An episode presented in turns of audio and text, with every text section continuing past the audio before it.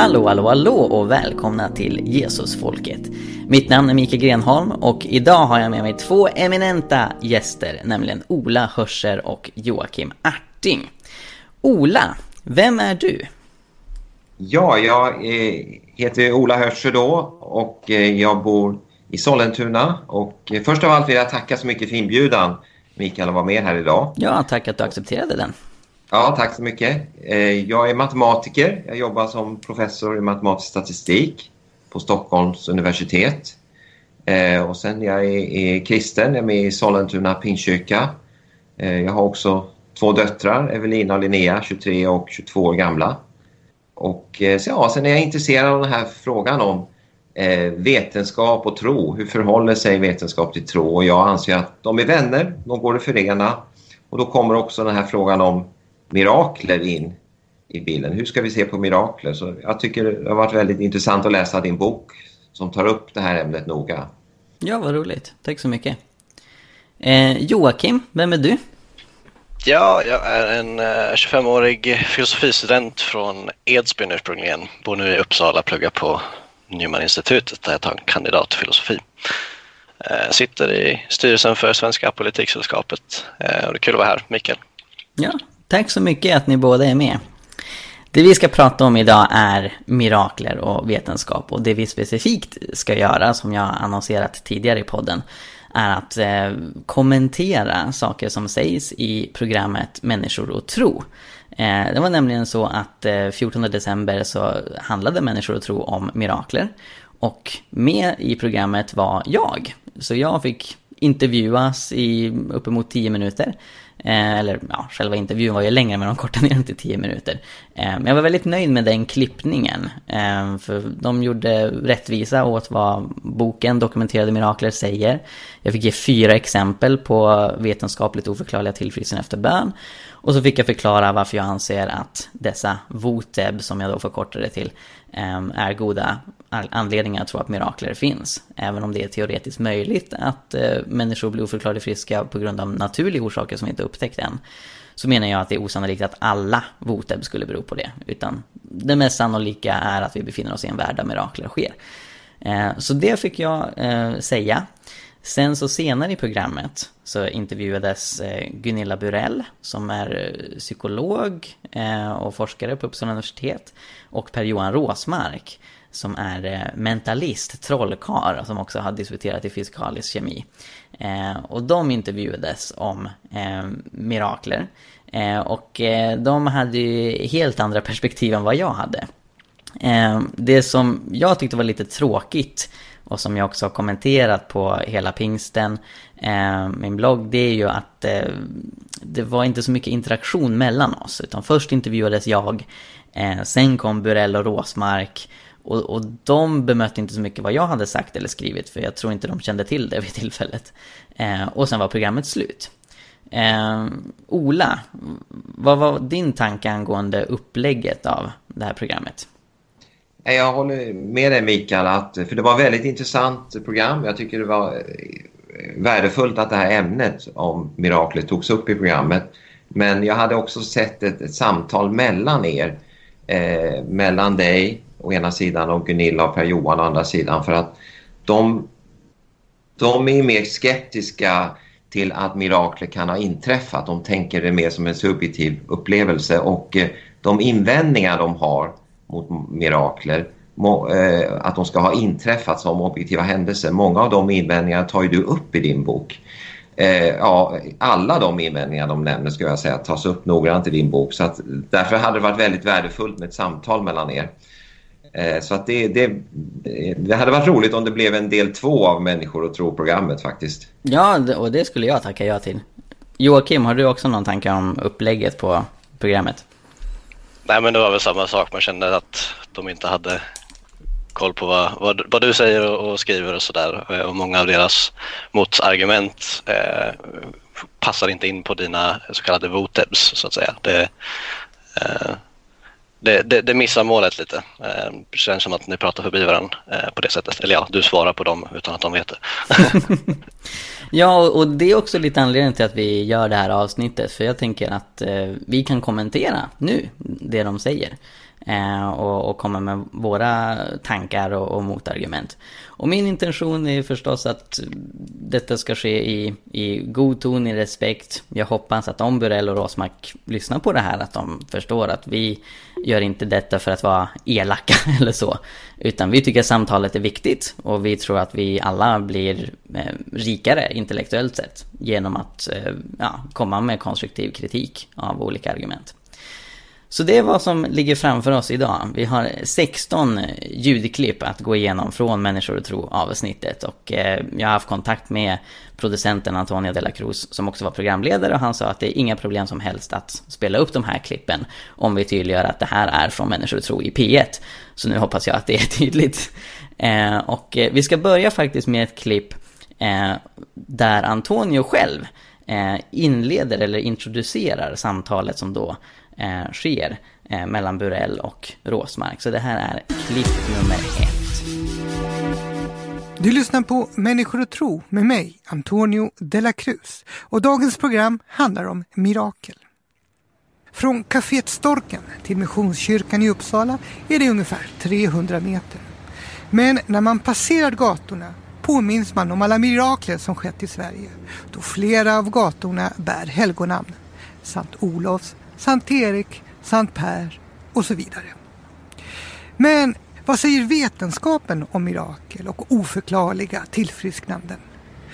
Nu är det dags för vetenskapen att säga sitt, även om vi har stämt träff i Missionskyrkan. Ja, då är det dags för vetenskapen att säga sitt, säger Antonio de la Cruz. Eh, Joakim, vad tänker du när du hör eh, Antonios introduktion här? Jag reagerar på det sista han sa där, även om vi stämt träff i Missionskyrkan. Det säger lite något om uppfattningen om så, så kallat tro och vetande eller kristen tro och, vetenskap. Eh, som är lite olyckligt tycker jag. Men jag är inte förvånad att den här ingången man, man har, eh, även om jag skulle problematisera den. Mm -hmm. Och vad tänker du om att eh, det är Burell och Råsmark här som görs till representanter för vetenskapen? Det är ju också spännande. Om man tänker historiskt så, så är det väl eh, kristna framförallt som, som varit eh, framstående vetenskapsmän och eh, utvecklat eh, vetenskapligt eh, tänkande och metod och sådär. Eh, så det är lite, lite kul att det, det just där det, det ställs upp som en motsats eh, men jag tror inte det finns någon sån. Mm. Ola, vad tänker du när du hör det här?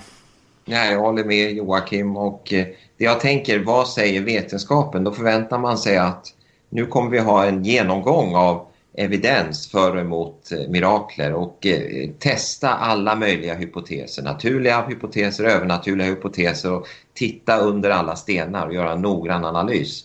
Det är, man, det är vad man förväntar sig med en sån påannons men eh, ja, som vi ska se tid, senare under samtalet så blir det ju inte riktigt så. Nej.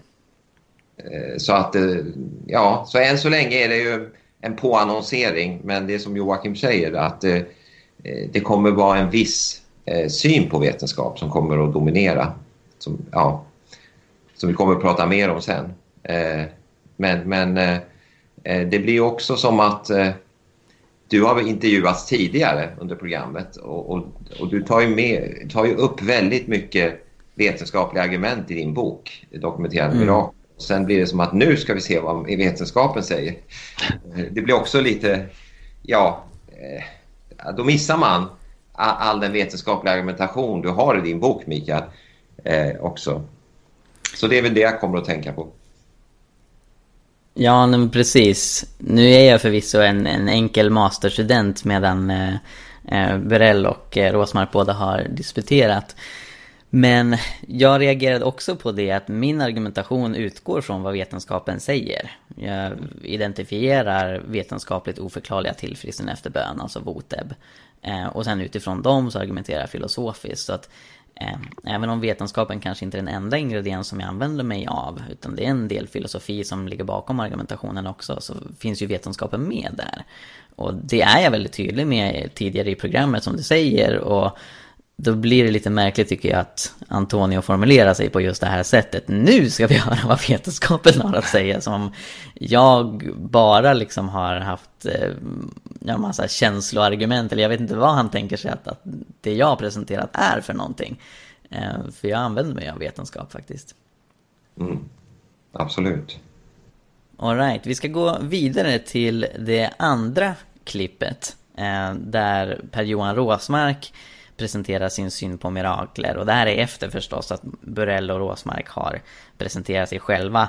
Eh, Burell säger något liknande som vi nu kommer att höra från Rosmark. Nämligen att eh, hon tror att mirakler inte är riktiga fenomen utan att det är... Folk tror att mirakler sker men det är liksom tolkningar som inte stämmer. Så vi sätter igång eh, klipp nummer två. Okej, så av din lilla presentation här så förutsätter jag att du inte tror på mirakel. Alltså jag tror på mirakler som en, eh, ska vi säga, en subjektiv tolkning utav världen så att säga. För jag tänker mig att du upplever en massa saker i ditt liv och en del utav dem upplevs som mirakulösa. Och det gör att en del människor nog gärna vill använda den tolkningen. Men rent strikt vetenskapligt så tror jag att det är omöjligt att visa eh, och inte har visats att det finns mirakler. Yes, och innan jag släpper fram er så vill jag påpeka att jag fick faktiskt chansen att träffa Per-Johan och ta en fika med honom eh, efter att programmet hade sänts. Eh, och det var väldigt upplysande, vi satt i en och en halv timme och pratade. Eh, utifrån det han säger här fick jag intrycket att han tror inte att mirakler är objektiva reella fenomen. Eh, och i och med att han eh, sitter med i Missionskyrkans styrelse och ser sig som troende så, så blev jag väldigt förbryllad för att eh, jag tycker att den, den väldigt tydliga definitionen av att vara kristen som vi möter till exempel hos Paulus är att man tror att Herren Jesus har uppstått från döden. Det är det som liksom ingår i att vara kristen det, det jag vill säga nu är att när jag pratade med honom och, och lyfte det här, liksom tror att Jesus har bokstavligen kroppsligen uppstått från de döda, så sa han ja. Det tror han. Eh, men han menar att det går inte att veta, han kan inte bevisa det vetenskapligt.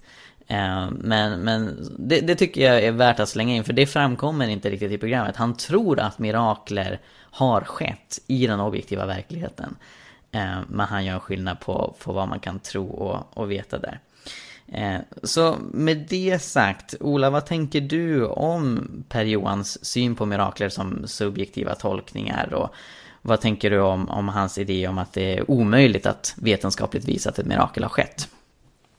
Ja, jag tänker så här. Ja, det är en viktig distinktion. Först har vi att man kan uppleva att någonting har hänt och det kan göra någonting med en. Eh, å andra sidan kommer frågan då, har, är det en objektiv verklighet eller inte? Och här tänker jag att det är en gradskillnad. Eh, jag tror, jag tror också att det är så. Vi kommer aldrig med 100 procent i matematisk mening kunna bevisa att det här är mirakel. Men för det första så tror jag att mirakler är objektivt möjliga. Men, men sen kan vi ha mer eller mindre goda argument för att det har inträffat. Så vi kan kanske ge en sannolikhet på att det här verkligen är Eh, eh, ett mirakel, något övernaturligt som har inträffat. Och då kan ju den vara väldigt nära 100 procent, så att säga. Eh, så att det kan ju också vara så att många så säger att ja, men vi kan aldrig bevisa att mirakel har inträffat. Då betyder det att man kan aldrig helt säkert veta. Nej, men det kan ändå vara så att vi kan ge goda argument för att det är ett mirakel och veta med över 95 procents sannolikhet att det här var förmodligen någonting övernaturligt. Så att om man gör den så att säga, tolkningen då, då kan man gå med på att ja, vi kan inte helt bevisa att det här var något övernaturligt men argumenten talar för det. Det talar mer för att det är något övernaturligt än att det inte är det. Men vi, men, och vi vet inte om vetenskapen kan komma med nya så att säga, upptäckter och så som gör att vi får ändra lite på de här siffrorna. Så att det är mitt svar där. Mm. Joakim, vad tänker du utifrån det Per-Johan säger här? Jo, men jag vill inne på liknande spår som Ola där.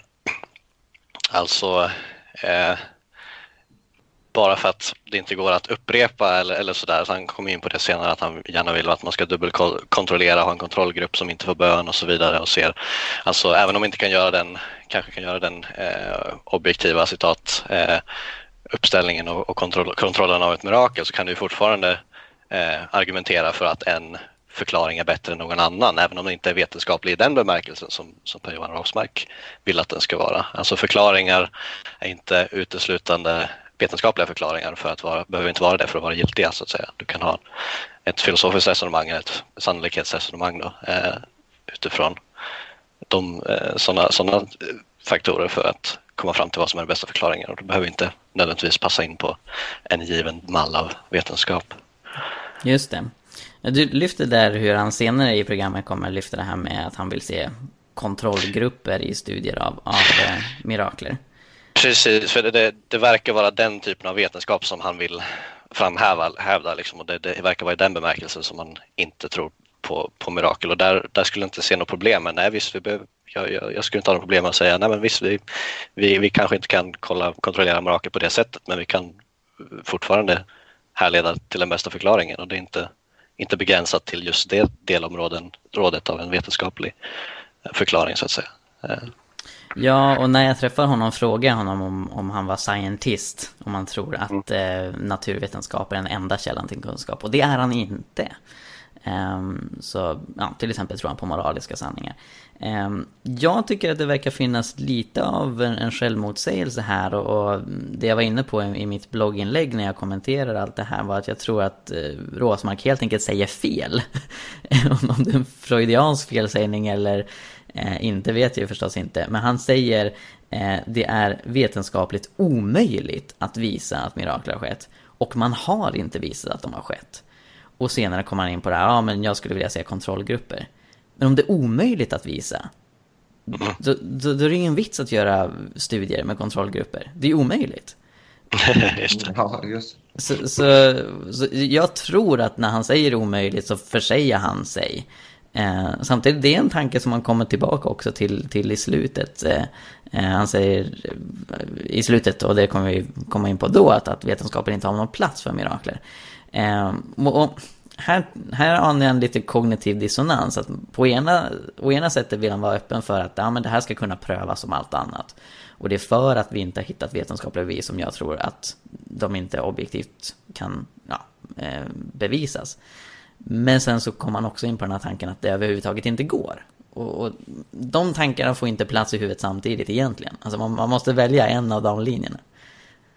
Just det. Mm. Vi tar och eh, går vidare till det tredje klippet. Men det är, som jag ser det då vetenskapligt, en händelse som är extremt osannolik. Men den är ändå möjlig. För det här handlar ju ändå om praktiska fenomen. Det handlar ju ofta om medicinska mirakler och helande. Och, och, det är sånt som kan hända. Därför att om man ser sannolikhetsmässigt så kanske det finns en procents, en promille sannolikhet för det här. Och därför är det ju en upplevelse som folk inte har väntat sig eller inte förstår sig på. Men den är ändå praktiskt möjlig.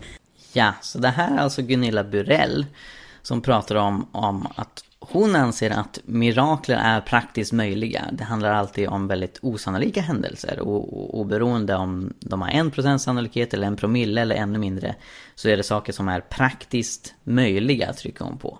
Eh, och därför så är hon som naturalist inte överraskad över att de här sakerna händer. Eh, Joakim, håller du med om att eh, mirakler är praktiskt möjliga utifrån en naturalistisk världsbild? Alltså jag tror att hon använder mirakel i bemärkelsen just osannolik händelse utan att säga att det just är ett gudomligt ingripande det handlar om. Så vad, vad hon verkar vilja säga är att det finns händelser i världen som är väldigt osannolika, statistiskt osannolika men som kan hända och att därför inte är förvånande att det just sker sådana saker där vi inte har tillräckligt med kunskap och så vidare eh, för, att, för att veta vad, vad, vad, exakt hände. Men, men just att det var ett osannolikt fenomen är inte osannolikt så att säga. Eh, så förstår jag henne. Ja, alltså jag håller med om att det låter som att hon använder mirakel på det sättet här. Alltså mirakel i betydelsen ja. överraskande händelse. Senare i programmet så säger hon att mirakler är per definition övernaturliga fenomen där en gud griper in. Och hon, ja. hon trycker på att, och, och, och hon, hon verkar nästan lite provocerad över det, för hon anser ju att det inte sker på riktigt. Så, så vad, vad pågår här egentligen? Har hon, har hon två olika mirakeldefinitioner samtidigt? Ja, jag, jag, jag tror det. Eh, för att vara charitable så att säga. Jag tror hon, alltså hon menar väl att, att kristna då, eller folk som tror på mirakler så att säga och tror att det är gudomligt ingripande, det är så folk vad folk menar med mirakel, men utifrån, utifrån hennes egen definition tidigare när hon säger att det är subjektiva feltolkningar av objektiva fenomen. Eh, sådana sker ju regelbundet, alltså det kan vara objektiva fenomen som är osannolika, osannolika men eh, som folk tolkar fel helt enkelt. Så jag tror hon, hon bara använder det i olika eh, sammanhang där. Mm. Nej, men det, det, tror jag också. Eh, Ola, som, som matematiker så kommer ju du i kontakt med sannolikhetskalkyler. Eh, och eh, om, vi, om vi knyter den här diskussionen till Voteb, även om P1-programmet inte gjorde det så mycket. Eh, men om, om, vi tar då de, de vetenskapligt oförklarliga tillfrisknandena som, som jag pekar på. Mm. Går det att skylla dem på att det helt enkelt är osannolika händelser som är eh, naturligt möjliga även om de är ovanliga? Alltså jag jag tycker du tar upp det här väldigt bra i din bok att eh, eh, de här olika exemplen på eh, plötsliga helanden under förbön, det är så starka sammanträffanden så att eh, jag menar att den troligaste förklaringen är att det åtminstone i en hel del av de fallen är övernaturliga eh, förklaringar vi måste ta till. Och återigen så kan vi inte veta säkert utan då får vi ange sannolikheter på det här. Och Eh, Eh, Gunilla Burell här, hon pratar om sannolikheter och när man ska man, det är ett sätt att mäta, kvantifiera hur mycket tror jag på att det är någonting övernaturligt eh, eller någonting naturligt som är en förklaring. Då ger vi en sannolikhet mellan 0 och 1.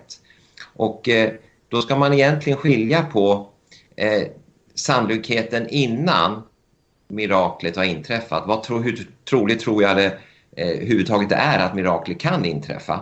Öppnar jag överhuvudtaget den dörren. Det är a priori sannolikheten. Sen, eh, själva händelsen, det jag observerar, det här tillfrisknandet, eh, förklaras det bäst av något naturligt skeende eller något, eller något övernaturligt. Eh, och sen får man väga ihop de två de, eh, sakerna och, då får, och det, det, är något som heter Bayes Och då får man en, vad är sannolikheten för att det här var något övernaturligt givet det som har hänt?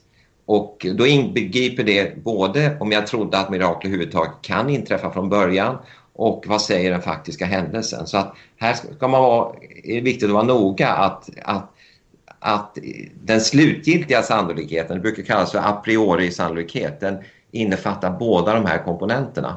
Om man nu från början utesluter att mirakel kan inträffa, sätter noll på den sannolikheten, man har så att säga mer sluten naturalistisk världsbild, ja men då spelar det ingen roll hur mycket evidensen talar för att det var ett övernaturligt. Då har man låst den, stängt den dörren från början. Men eh, om man ger en liten, liten möjlighet eh, för att mirakler kan inträffa. Man tänker att det här är något oerhört ovanligt. Det kanske eh, mindre, mycket mindre än en promille. Ja, men då kan det ändå vara så att den faktiska händelsen talar så starkt för att det är något övernaturligt så att väger man ihop de här två delarna så är det i slutändan det övernaturliga som är, är, är, är, den troligaste förklaringen. Så att det här är faktiskt att eh, frågan om mirakler är ett utmärkt exempel på att använda det som kallas för Bayes Hur man räknar på sannolikheter före någonting har inträffat, före evidensen och sen modifierar man den sannolikheten efter att man har sett, eh, upplevt händelsen eller observerat händelsen eller läst om den. Mm. Ja, tack så mycket för, för den inputen. Eh, det var också något som jag upptäckte när jag analyserade David Humes kända argumentation mot mirakler som utvecklades på 1700-talet och används än idag av många ateister. Att eh, det är ett resonemang som är extremt svårt att förena med vanlig bayesiansk sannolikhetslära. Eh. Och eh, det ställer ju till det för en hel del då naturalister som vill tro på Hume. Eh, att eh, då måste man behandla mirakler olikt allt annat eh, som vi bedömer sannolikheten på. Ja, och, det är väldigt intressant att du tar upp David Hume för att eh, Thomas Bayes, han, han, han utvecklade den här formen mot slutet av 1700-talet och han var ju en presbyteriansk präst i England och jag har för mig att han delvis utvecklade den här argumentationen som ett svar på Humes mirakelkritik. Eh, så att, och sen har det visat sig bli en väldigt viktig formel inom sannolikhetsläran. Mm, väldigt intressant.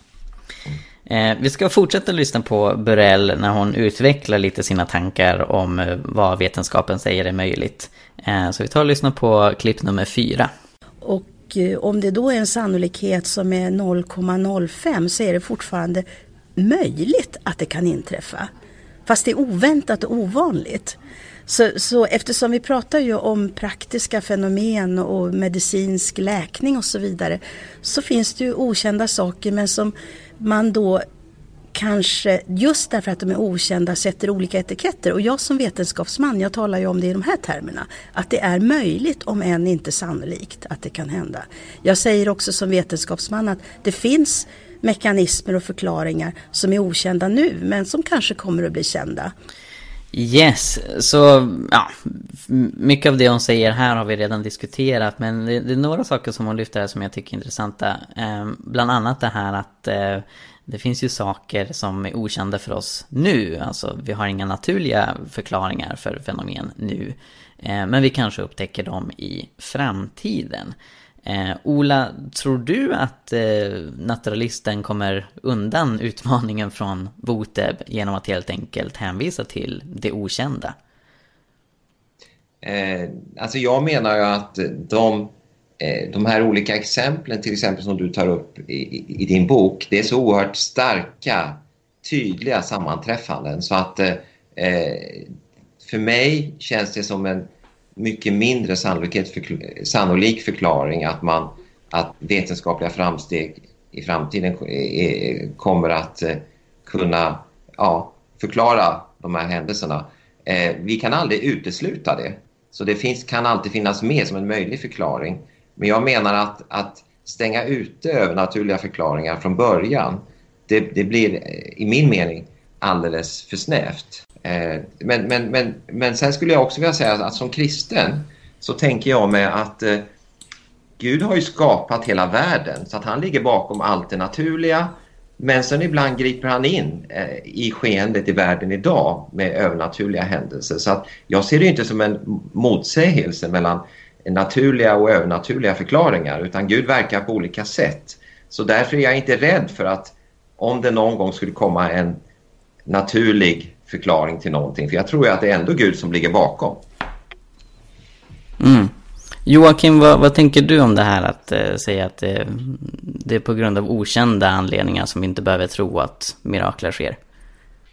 Men det är som Ola säger, det, visst det är en statistisk sannolikhet men vad vi bryr oss om är ju sannolikheten, inte bara i ursprungsläget utan efter evidensen och som du säger Ola så är ju så många av dina voter som du tar upp eh, har så pass mycket evidens för sig eh, att visst, du kan alltid säga att det skulle kunna vara en naturlig förklaring men då får du, får du ge något skäl eller ett förslag på en sån förklaring som faktiskt förklarar den evidens vi har. Och det tycker jag är problemet genomgående genom hela programmet att man eftersom de inte interagerar med dig framförallt eh, så blir det bara ett, ett allmänt eh, prat, det blir ett prat på ett generellt plan. Och visst statistiskt eh, sannolikhetsmässigt så, så kan nu flera av de här, till exempel som tog upp typ senare, fel ursprungsdiagnos eller så här, eh, kan visst eh, appliceras på, på vissa av de här händelserna och det, det är helt fint. Men, men nu vill vi ju veta, gäller det för alla fall? Och då måste vi faktiskt kolla på de konkreta fall där det verkar väldigt osannolikt att, att just de här naturliga förklaringarna skulle, eh, skulle vara eh, tillräckliga. Så, så det blir en slags sammanblandning där. Man, för statistisk sannolikhet är ju billig i slutändan. Visst, det finns en statistisk sannolikhet att alla läkare alltid har fel när de ställer diagnoser, men vi vill ju veta vad är sannolikheten att, att de har det i varje fall, i ett enskilt fall. Liksom.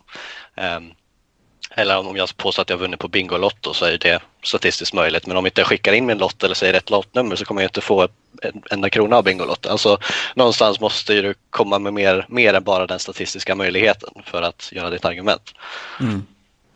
Jag har svårt att komma på något annat område ehm, där naturalister eller vem som helst är bekväm med att säga ja men det beror definitivt på det här som vi inte känner till och som vi inte har något argument för och som vi inte har något bevis för. för så är det ju nödvändigtvis med, med det okända. Kan ni komma på något annat ställe där man liksom är så nöjd vid att säga ja men det beror på det vi inte vet? Nej. Nej, jag kan nog inte komma på. Det kan ju bero på att argumenten för att det finns en övernaturlig förklaring är så bra eller att evidensen är så tydliga som Joakim säger. Så att då är det kanske den eh, om man nu vill utesluta det övernaturliga då är det den väg eh, då är det den möjlighet man har att säga att man, man Ja, hämtar det till framtiden. Vi går vidare och lyssnar på eh, klipp nummer fem när Gunilla Burell tar upp eh, exempel på cancertumörer som försvinner på naturlig väg. Det finns alltid en sannolikhet, även om den kan vara mikroskopisk. Ja, det, vi kan ta en väldigt enkel sak. Alltså om man blir frisk från cancer. Och det finns ju en del sådana berättelser. Att Väldigt många sådana där man mirakulöst försvinner tumören. Så är ju det möjligt, om än inte så vanligt. En möjlighet är att man har fått fel diagnos från början. Och sådana fall finns ju. En annan möjlighet är att man har ett väldigt effektivt immunförsvar i sin egen kropp. Där det nu sker mycket forskning om hur det fungerar. Så att helt enkelt immunförsvaret har kickat igång och fått en läkningsprocess. Eh, men eh, som du sa så finns det många sådana berättelser. Cancertumörer försvinner mirakulöst. Och min då eh, lite krassa syn på det är att det kan vara någon av de här förklaringarna.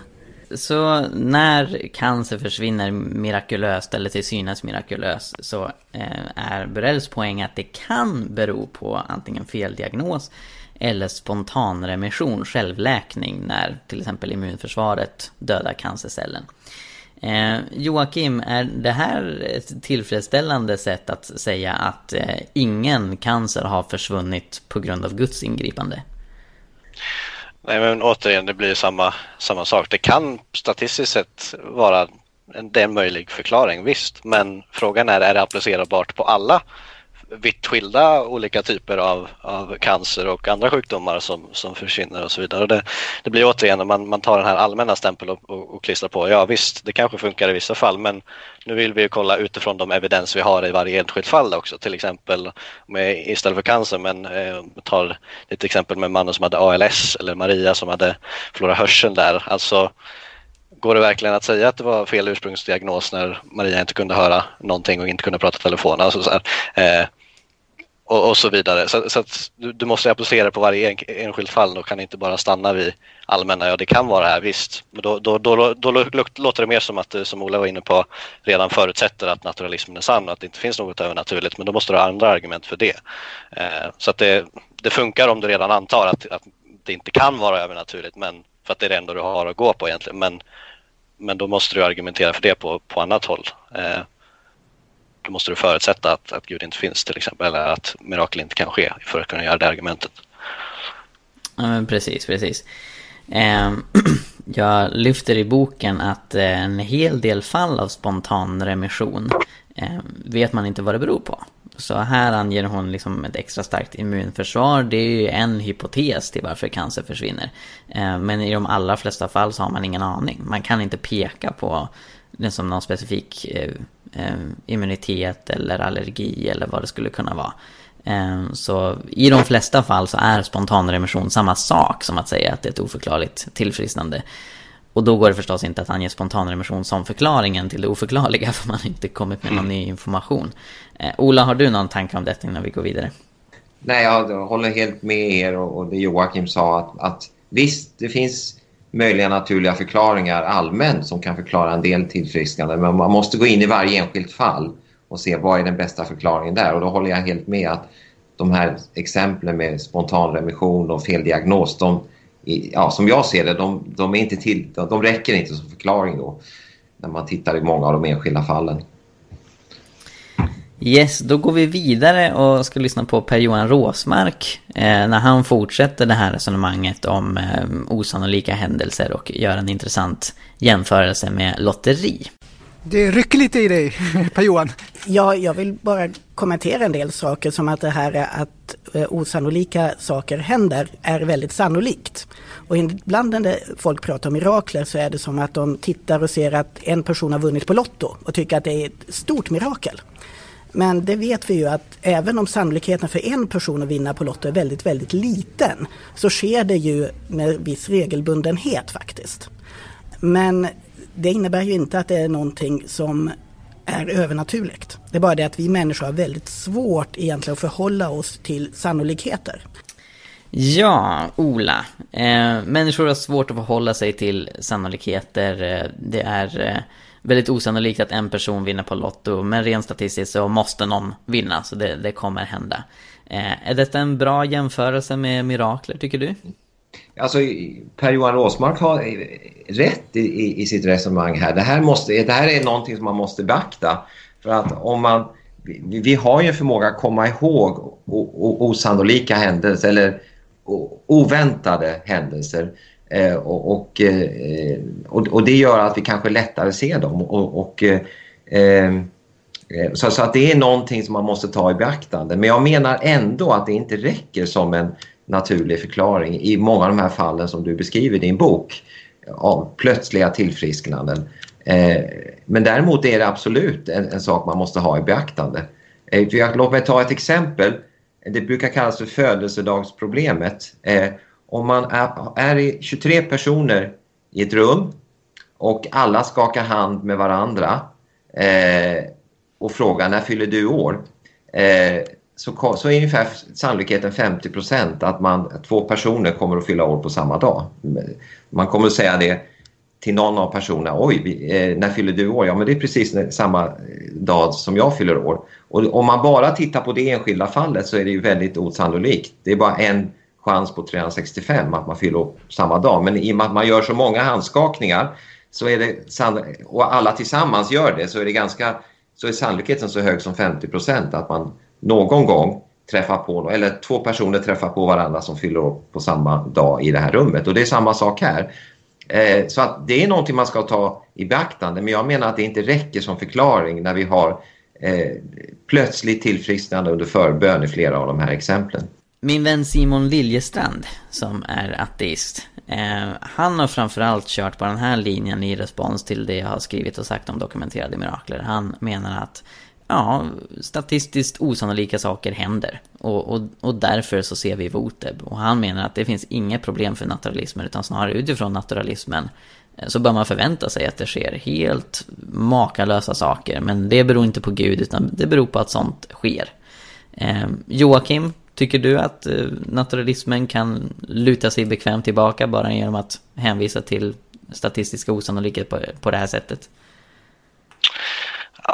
Sannolikhetslära är väl egentligen Olas område, men, men om jag säger så här då. Eh, I mina öron låter det som att du måste, måste ha väldigt goda skäl för naturalismen eh, först och främst för att kunna göra det antagandet. Men eh, alltså just att det sker osannolika händelser som har en naturlig förklaring. Det är återigen visst det är statistiskt möjligt men, men utifrån de konkreta exempel vi, vi har måste du ändå, ändå ställa dig frågan, är det inte lite märkligt eh, när det har så många eh, andra aspekter eh, med sig. Till exempel den här Jens då, som vars eh, vän ber för honom klockan fyra på en eftermiddag och han börjar känna av lättande symptom direkt efter att hon eh, tror sig fått ett tilltal från Gud att idag ska du bli helad och så vidare. Alltså när du lägger på evidensen i alla de här fallen så, så ger det, det, det dig eh, en väldigt god eh, rättighet att, att tro att det faktiskt ligger någonting i de här händelserna och jag tror inte du kan komma undan så lätt bara med att hänvisa att det, det, det är en statistisk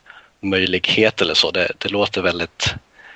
Ja, det, det, låter lite som att man, man, bara inte vill se till viss, viss specifik evidens. Men, ja. ja. Och jag tycker också att det här är något som mirakeltroende kan säga. Alltså så här, i, i respons till en naturalistisk kritik, ja, hur, hur kan du säga att det finns en gud och hur kan du finna, säga att det liksom, Gud griper in? Så, ja, nej, men osannolika saker händer. Alltså det, det är egentligen inget tungt argument åt någon sida tycker jag. Eh, vi tar och går vidare till det nionde klippet. Jag vill säga någonting mer om, apropå vad du sa, och det är att eh, uppenbarligen psykologiskt sett så har människor en tendens att se samband, orsakssamband. Vi ser väldigt lätt orsakssamband. Och det är säkert evolutionsbiologiskt bra att vi kan se att saker hänger ihop på ett förutsägbart sätt.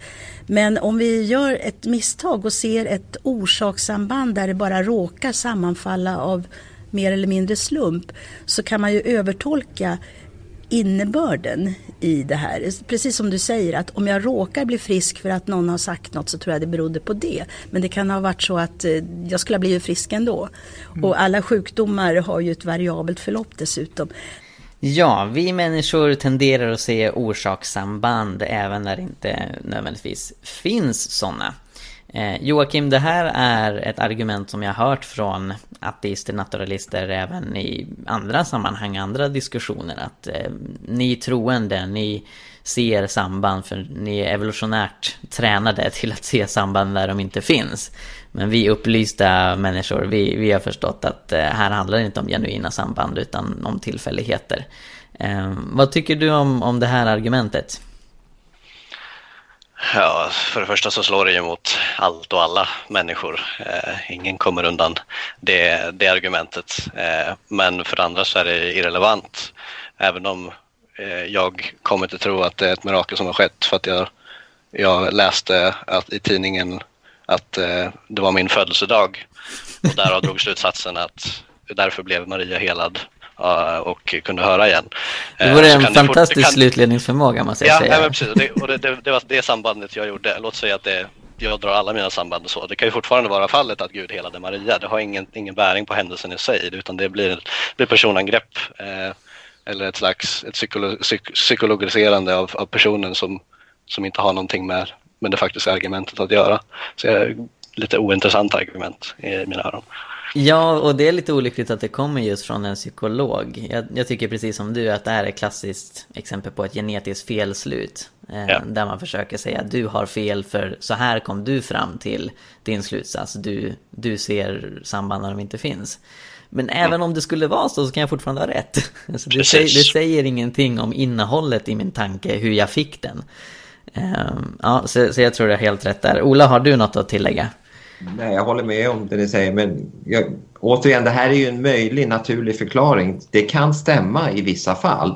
Men återigen, när vi har pratat om andra naturliga förklaringar som feldiagnos och självremission så går man in och tittar i de enskilda fallen så eh, de här verkligen, vi pratar om Maria som fick tillbaka hörseln och Jens som blev helad efter en fotbollsskada och så vidare att eh, då verkar det väldigt otroligt som en förklaring.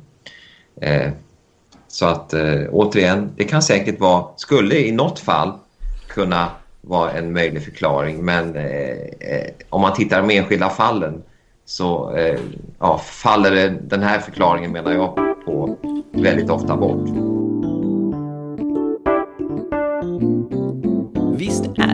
Spännande samtal detta. Och det drog ut på tiden, det kunde jag nästan ha förutsett utifrån att vi hade så många ljudklipp från P1 att gå igenom. Eh, så för er bekvämlighets skull så har vi delat upp detta i två avsnitt. Nästa vecka kommer ni få höra Eh, mer om vad vi har att säga, bland annat om Gunilla Burells eh, påstående att eh, kristna och religiösa i allmänhet eh, har sämre hälsa för att de inte söker sig till vård lika ofta och vi kommer även dissekera påståendet att det är Burell och Råsmark som tror att läkarvetenskapen har rätt medan jag skulle argumentera mot läkarvetenskapen. Och mycket annat. Så lyssna på det avsnittet också när det kommer om en vecka. Gud välsigne er. Hej hej!